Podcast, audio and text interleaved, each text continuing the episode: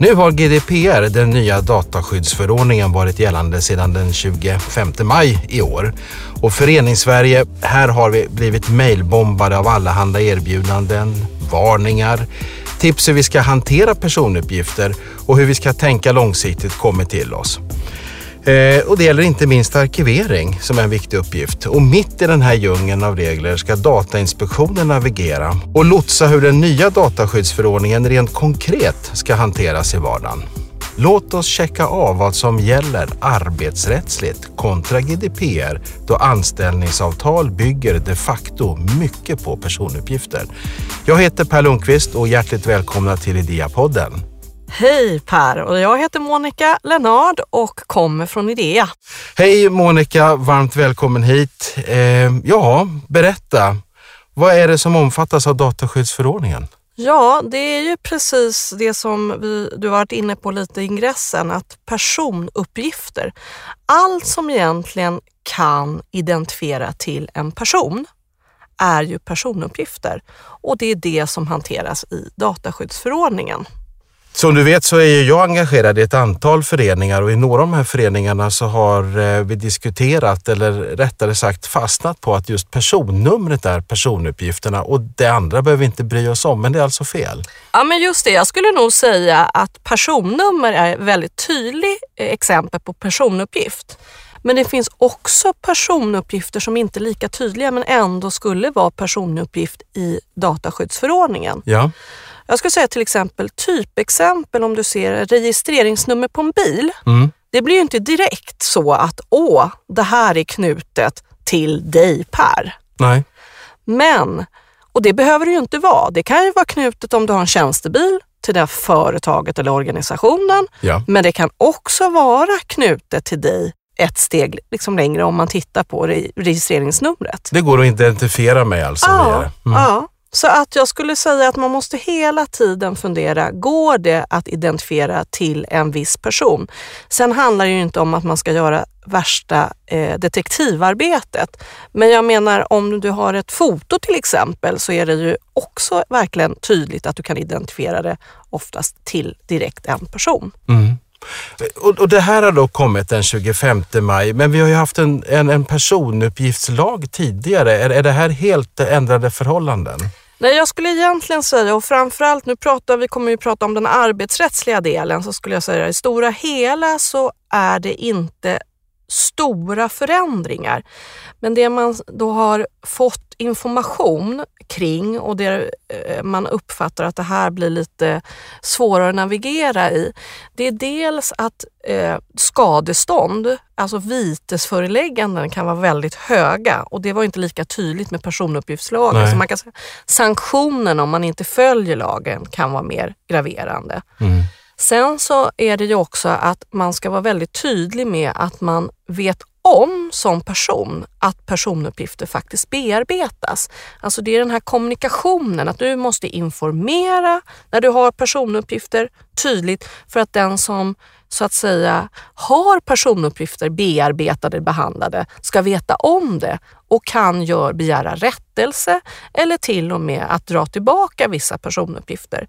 Så den är en väldigt tydlig utveckling och eh, tanke med den nya GDPR-lagstiftningen. Ja. Och sen så en konkret sak, om man tittar på, på um, arbetsrättslig del, så är det ju så att eh, fortfarande, som precis vi varit inne på, ett anställningsavtal, det bygger ju på att man faktiskt har personuppgifter. Mm. Annars skulle jag till exempel om du arbetade hos mig Per, jag skulle inte kunna betala ut lön om jag inte visste ditt lönekonto. Och det är ju i allra högsta grad en personuppgift. Mm. Du har registreringsplåten. Precis.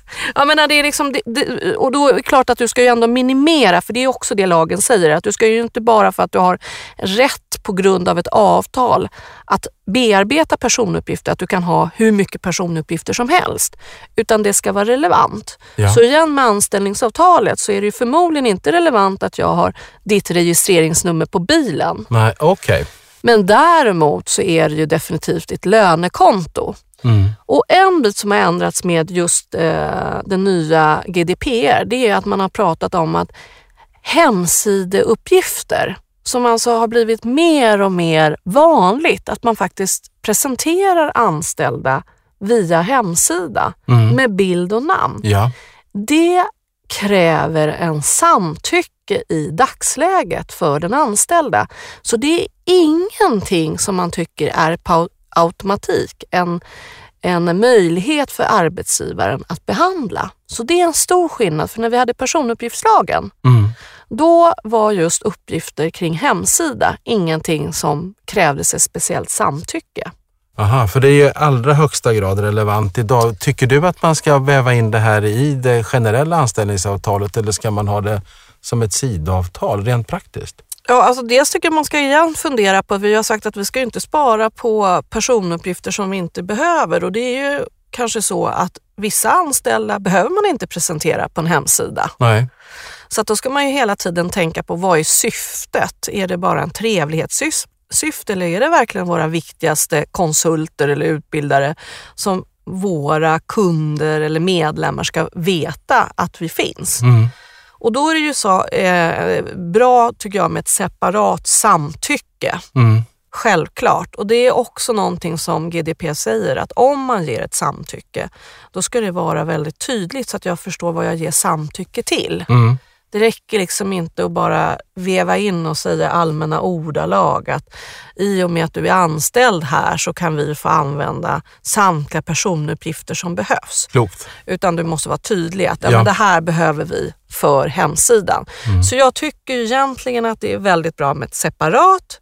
Samtidigt så vet jag att eh, hur lätt är det att hålla reda på alla dessa kommunikation kring uppgifter. Det är klart att man kan ha någon skrivelse som man liksom poppar upp i samband med anställningen. Att glöm inte att kolla upp om du eh, vill ha eh, personens uppgifter också på hemsida eller inte. Mm. Jag tänkte på innan jag är anställd, hur ska jag som arbetsgivare tänka vid rekrytering? Är det skillnad eh, vid en aktiv rekrytering eller om, om jag spontan, spontan söker jobb hos dig? Ja, ja Mm. men det är också intressant för att vi har varit inne på att i anställningen behöver man personuppgifter. Ja.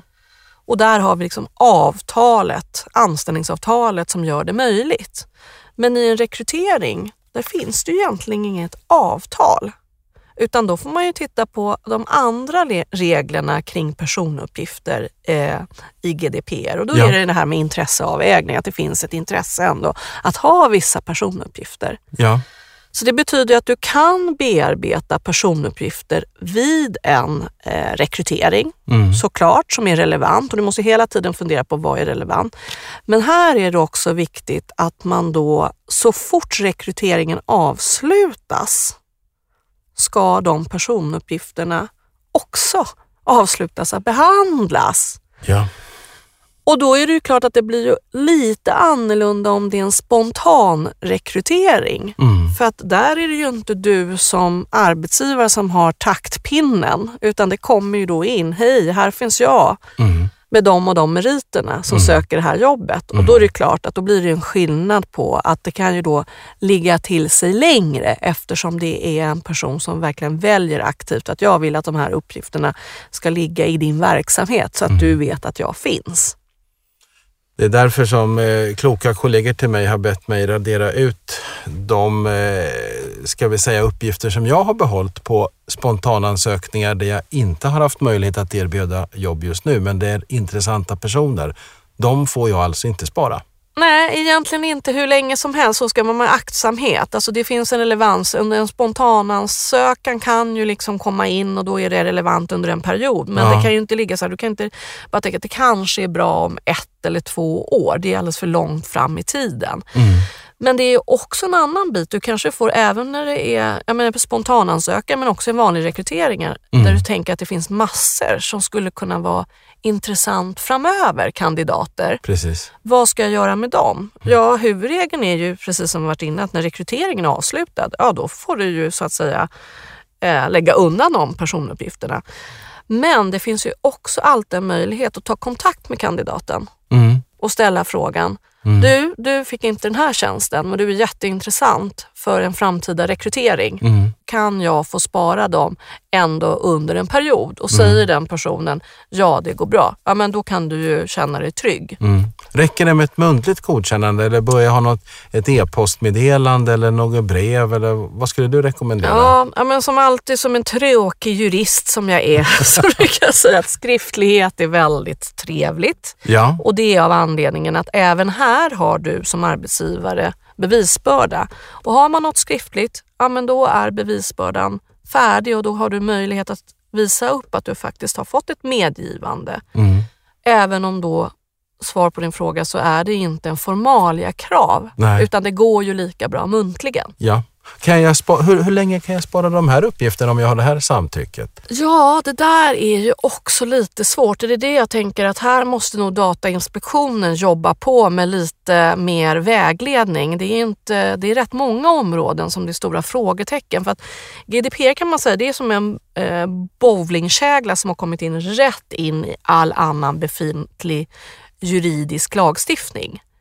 Och det vet ju du till exempel om redovisningslagstiftning. Hur ska man spara ekonomiska uppgifter Absolut. kontra GDPR som på något sätt ändå i förarbetena varit rätt tydlig med att ja, längre än två år, då krävs det väldigt mycket till för att spara uppgifter. Och samtidigt vet vi att vi har lagstiftning, svensk lagstiftning som kräver tioårig arkivering eller sparande och bearbetning av uppgifter.